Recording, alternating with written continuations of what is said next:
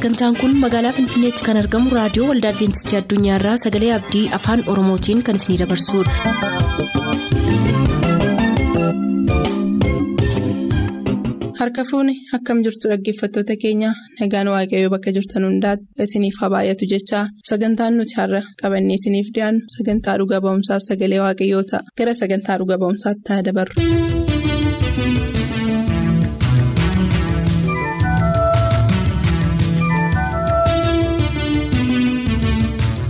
Harka fuunii akkam jirtu dhaggeeffatoota sagalee abdii nagaan keenya jaalalaaf kan kabajaa bakka jirtan hundumaatti isin haa qaqqabu har'as kunoo egaa akkuma beekamu sagantaa dhuga ba'iisaa jalatti keessumaa kan biraa isiniif qabannee dhiyaanneetu jirra yeroo darban keessa keessummoota garaagaraa isiniif qabannee dhiyaanneen dhuga ba'iisa isaaniitiin hammam akka eebbifamtan eebba danuu akka hirmaattanis shakkii hin qabnu har'as immoo keessummaa kan biraa isiniif qabannee dhiyaanneetu jirra. Nu faana turaa isiniin jenna.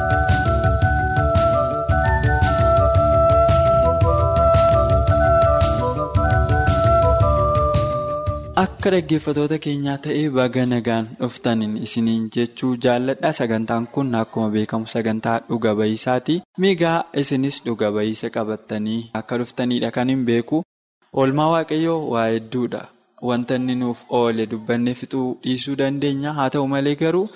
Keessa keessaa kan nuyi irra darbuuf irraanfachuu hin qabne wantoonni baay'een jiraachuu danda'u.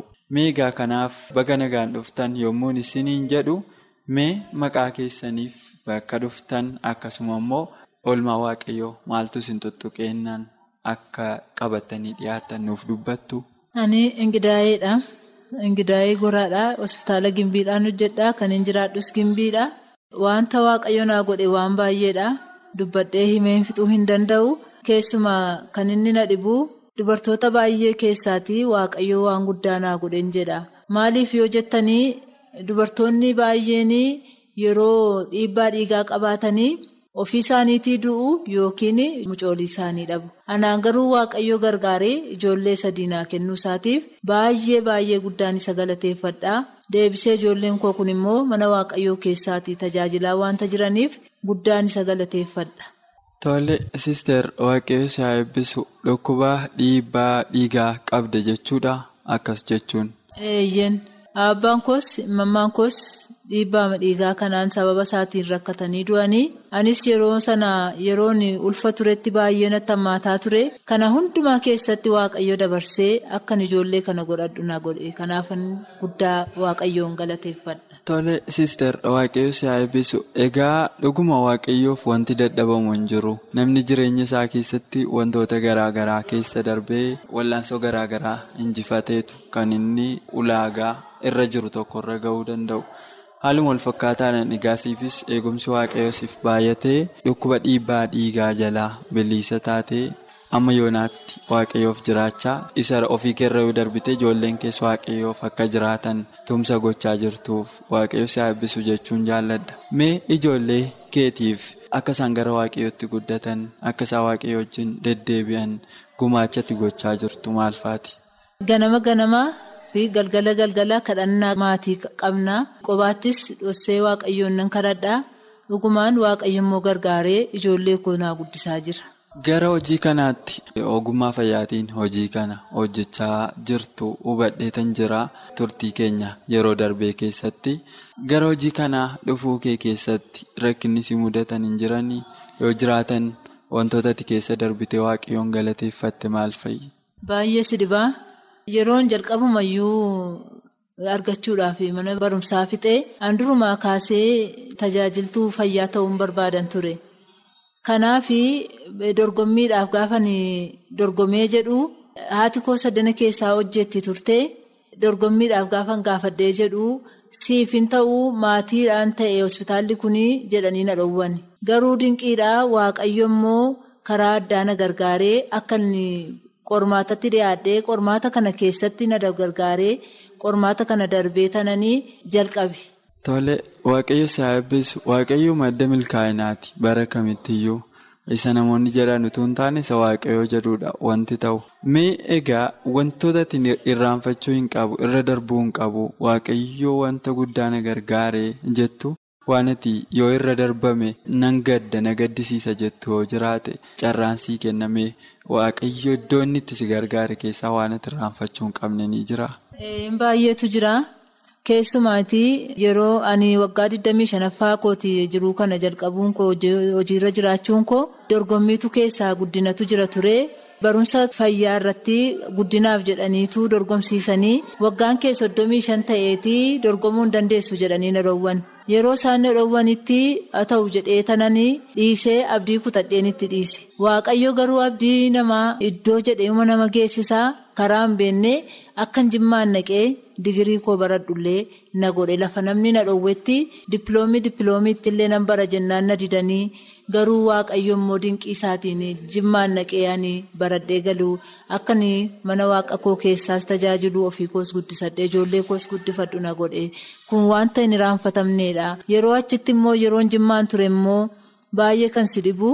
Namoota baay'ee taaneetu heelz ofiisaroonnis jiru narsoota baay'eedha ttp baanee. Lafa boqonnaa sanatti lafa hojii hojjennu sanatti carraan hojii wayii xinnoon tokko jira ture. Achuma keessatti gaafa janni kittibaatii wayii akka baanee guyyaa kudhan tokkoo fi akka hojjennu nu godhame. Guyyaan suni guyyaa sanbataa ture inni jalqabaa. Ani in naqu jedheen oolee namichi inni achii nu geggeessus in oole. Guyyaa sana tajaajilli kittibaataa hin oole talaalliin hin oole. Guyyaa dilbataa gaafa isaan naqanii nan jalqabee hojii koo sanas nan xumuree. Amma jimaataatti nan hojjedhee kaffaltiin illee nama baay'ee sana keessaa akka nuu ta'u ta'ee yeroo rakkinaatti akkan ittiin oolu na gargaareera waaqayyo. Tole sister waaqayyoon abbaa olmaa keetii ta'ee waaqayyoo abbaa olmaa keenya hundumaati nullee galata guddaa qabna siinis sadarkaa kana hundumaa keessa wallaansoo jireenyaa keessa si dabarsee ulaagaa irraa kanarraa inni si ga'e waaqayyo galata isaa haa fudhatu mee hojii amma hojjechaa jirtu kana keessaa. Baay'ee kan si boqochiisu kanatti itti gammaddu maaltu jira jechuun yeroon akkasiin jedhu hojiin hundumti isaa'uu namni itti gammadee hojjeta.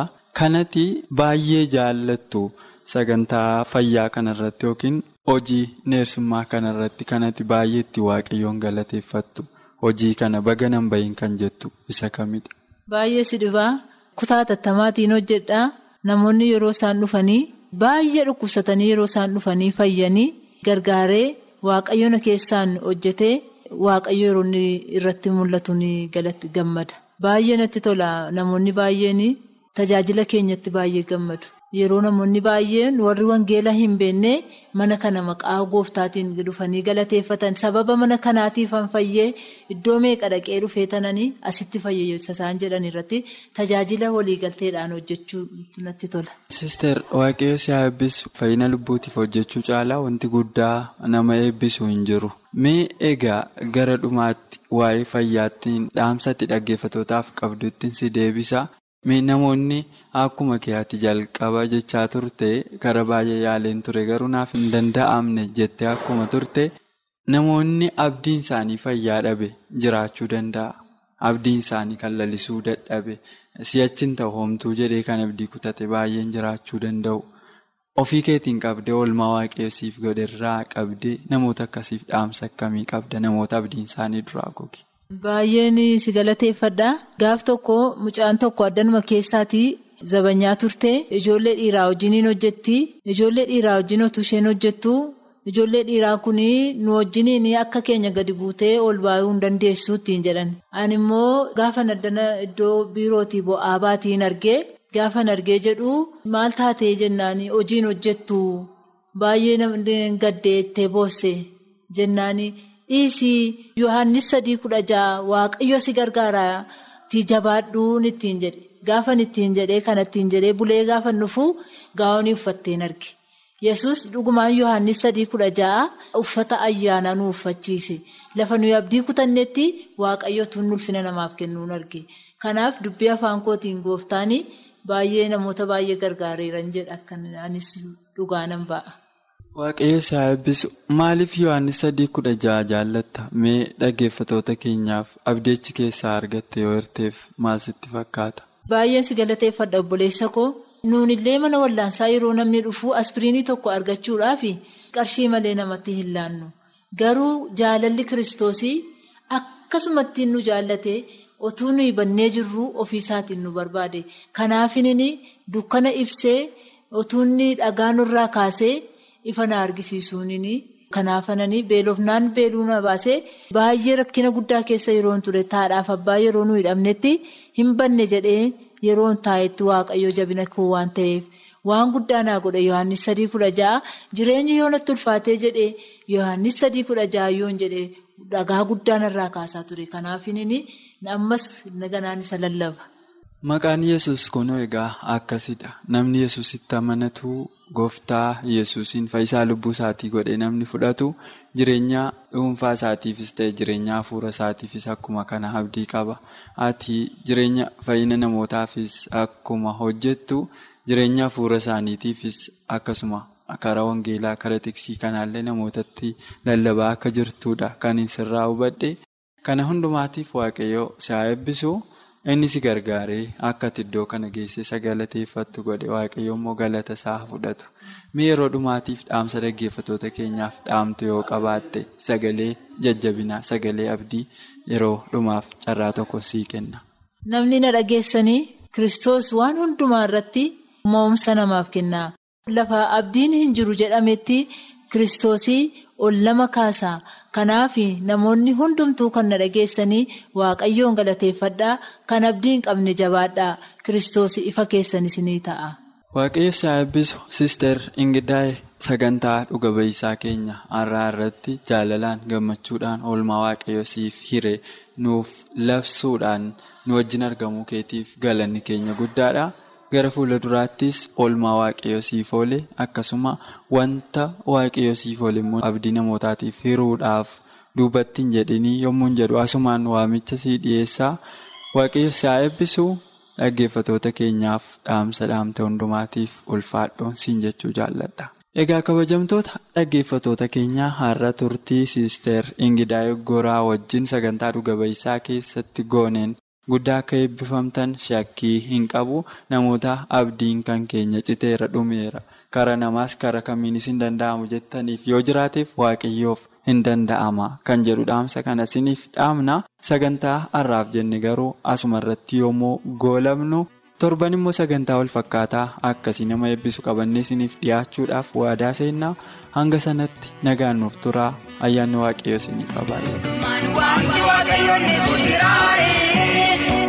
isiniif Hojjechuun kan dadhabe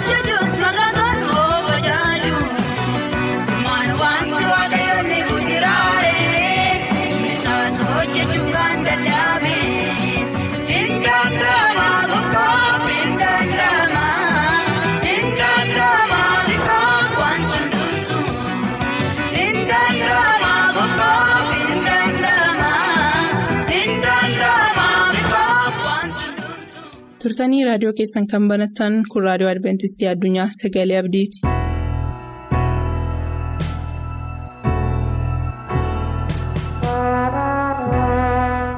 Attam jirtu dhaggeeffattoota bakka jirtanitti ayyaanni waaqayyoo isin haa baay'atu jecha maqaan koo xibabuu duroon jedhama. Kanarra wajjin laallu afurri qulqulluun kan nu qopheessima dureen karaa isaarra deddeebuudhaan waaqayyo wajjin haa jiraannu kan jedhudha. Afurri qulqulluun akka nu barsiisu mataa keenya qabanneen kadhanna bakka jirrutti. Guddaa si galateeffannaa abbaa keenyaa jaalala nu jaalatteef oolmaa nu oolte hundaaf galanni ulfinni guddaan siif haa ta'u. Hundumti keenyayyuu karaa kee irra deddeebinee si wajjin samaayii dhaaluu akka dandeenyu ati nu gargaari kan hundumaa yemmuu si kadhannu maqaa yesuusiin. dhaggeeffattoota akkuma dura heeree har'a kan wajjin laallu maadureen keenya karaa isaa irra deddeebuudhaan waaqayyo wajjin haa jiraannu kan jedhudha. Mucaafa seera uumamaa boqonnaa shan lakkoofsa 24 Inook karaa isaarra deddeebuudhaan waaqayyo wajjin jiraate. Waaqayyos waan isa fudhateef deebi'ee achitti hin argamne. Kutaa macaafa qulqulluu keenya keessaa baay'ee beekamaa kan ta'ee fi baay'ee jireenyi isaa waaqayyo wajjin kan jiraate seenaa Inook hin gaggabaabsinee har'a wajjin laalla. Akkuma eertuu kanarraa hubannutti Inook waaqayyo wajjin jiraate innaa jedhu macaafni qulqulluun guyyaa tokkoon miti, ji'a tokkoon miti, waggaa tokkoof osoo hin taane waggaa dhibba sadiif jaatamii shan. Waaqayyo wajjin jiraate kana jechuun immoo bara jireenya isaa guutuu waaqayyo wajjin jiraate jechuudha. Inook akkuma keenya nama foon uffatee waggaa dhibba sadiif jaatamii shan waaqayyo wajjin jiraate kana jechuunis bara jireenya isaa guutuu wanta waaqayyotti toluu fi wanta waaqayyo gammachiisu waaqayyo wajjin hariiroo cimaa qaba jechuudha. Inook akkamitti waaqayyo wajjin deddeebi'ee jechuu dandeenya. Matsaafni inni Ingiliffaa Inook waaqayyo wajjin adeemee jedha. Waaqayyo wajjin adeeme innaa jedhu Inookii fi Waaqayyo wal wajjin adeemu jechaadha. Namoonni wal wajjin deeman immoo namoota dhimma tokko irratti walii galanidha. Matsaafni qulqulluun Amoos boqonnaa sadii lakkoofsa sadii irratti akkas jedha. Namni lama walitti dhufanii otoo waliif hin galin wal wajjin dhimma tokkoof adeemuure. Kana jechuun Inookii fi Waaqayyo wajjin deemu jechuun Inook Waaqayyo wajjin haasa'u jechuudha. Kana jechuunis Waaqayyo Inookiin. Oolmaan kee guyyaa ati har'a na wajjin qabdu hariiroo ati nama wajjin qabdu gaariidha anna wajjinis qabdus gaariidha jedhaan jechuudha. Kanaafuu karaa waaqayyooti irra deddeebinee waaqayyo wajjin jiraachuun bara jireenya keenya guutuu mataa keenya dabarsinee waaqayyo wajjin jiraachuudha. Waaqayyoos wanta inni nurraa barbaadu kanadha. Raajicha Miikiyaas boqonnaa ja'a lakkoofsa saddeet irratti akkas jedha. Inni wanta gaarii ta'e sitti meera yaa nama wanta qajeelaa ta'u fudhatamee waaqayyo kee wajjin deddeebi'i malee. Gooftichi maal sirraa barbaadaree jedha. Waaqayyo wanti inni nurraa barbaadu yoo jiraate isa wajjin deddeebuu, isa wajjin jiraachuu, amala isaa calaqqisuu jechuudha. Amala kiristoosiin calaqqisuu. Warra amala isaa calaqqisanis warra karaa isaarra deddeebi'an Waaqayyo biyya lafaa kanarraa lammata deebi'ee innaa dhufuun fudhata.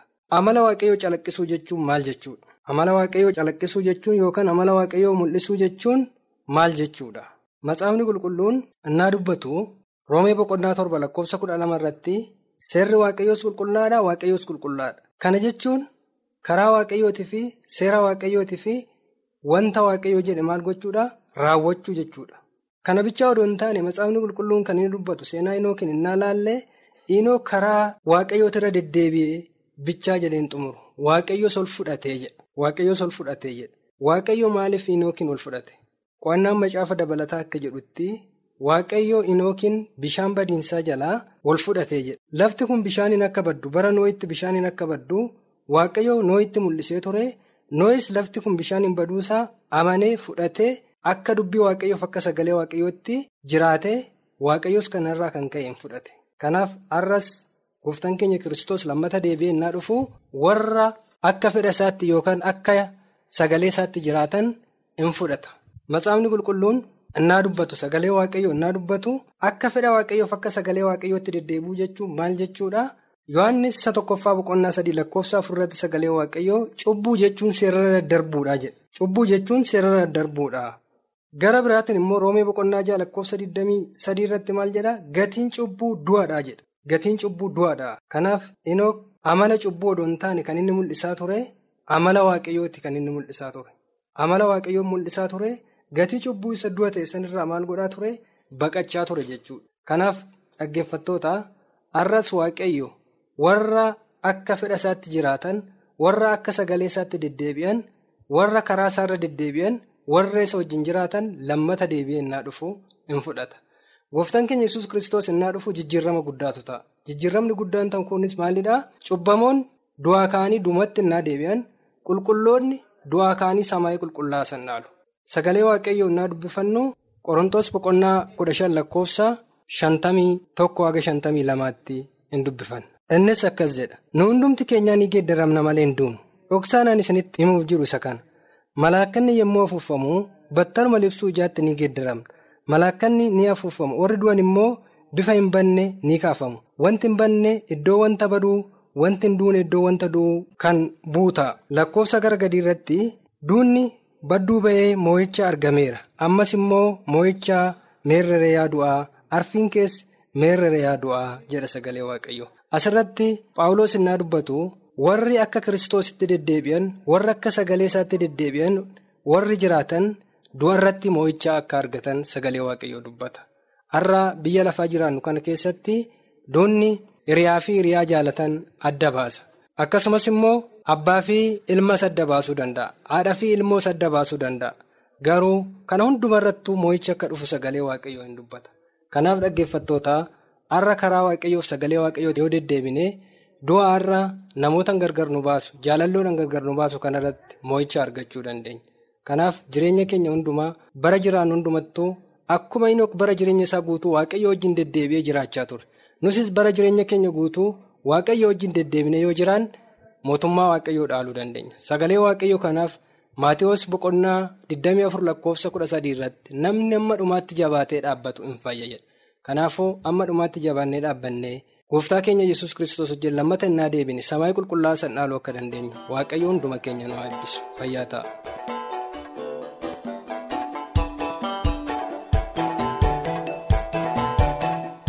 Sagantaa keenyatti akka gammaddan abdachaa har'aaf kan jenne xumurreerra. Bor sagantaa faarfannaa qabannee isiniif dhiyaanna beellama keessaan nu waliin godhadhaa jechaa nuuf bilbiluu kan barbaaddan lakkoofsa bilbila keenyaa Duwwaa 11 551 11 99 Duwwaa 11 551 11 99 nuuf barreessuu kan barbaadaniif ammoo lakkoofsa saanduqa poostaa 45 Finfinnee lakkoofsa saanduqa poostaa 45 Finfinnee qopheessitoonni sagalee abdii waliin ta'uun nagaatti isiniin jenna.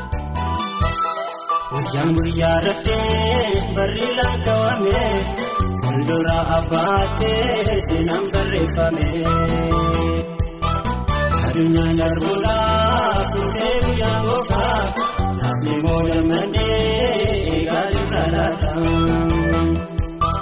Guyyaan guyyaa irratti barri lakkaawame fuuldura abbaattee seenaan barreeffame. Adunyaan darbuudhaaf adunyaan darbuudhaaf dhufee guyyaan gooftaa raafne moodammadhee eegaa jirra laata.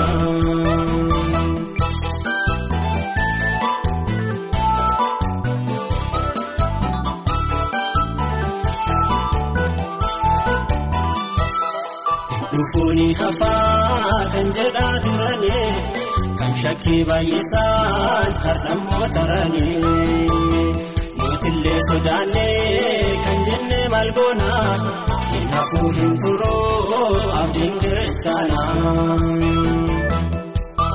Guyyaan guyyaa irratti barri lakkaawame fuuldura abbaattee seenaan barreeffame. Adunyaan darbuudhaaf adunyaan darbuudhaaf dhufee guyyaan gooftaa raafne moodammadhee eegaa jirra laata.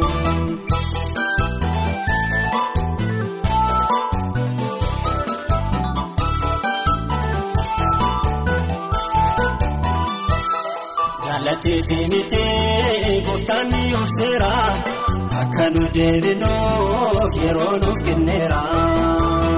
Barri dabaalamee baroota irratti mootummaan qophoofne dhufaa namootatti. Guyyaan guyyaa irratti barri lakkaawame fuuldura abbaattee seenaan barreeffame. Adunyaan darbuudhaaf dhufee guyyaa gooftaa naafne moodammadhee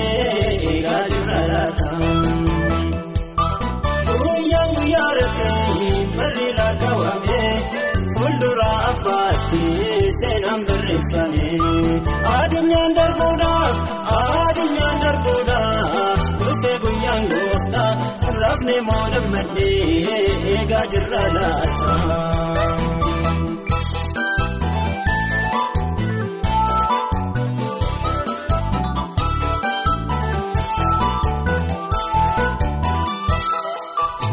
Dhufuuni hafaa kan jedhaa turani kan shakkii baay'isaan hardhammoo tarani mootillee sodaallee kan jennee maal goona kanaafuu hin turu abdiin kiristaana.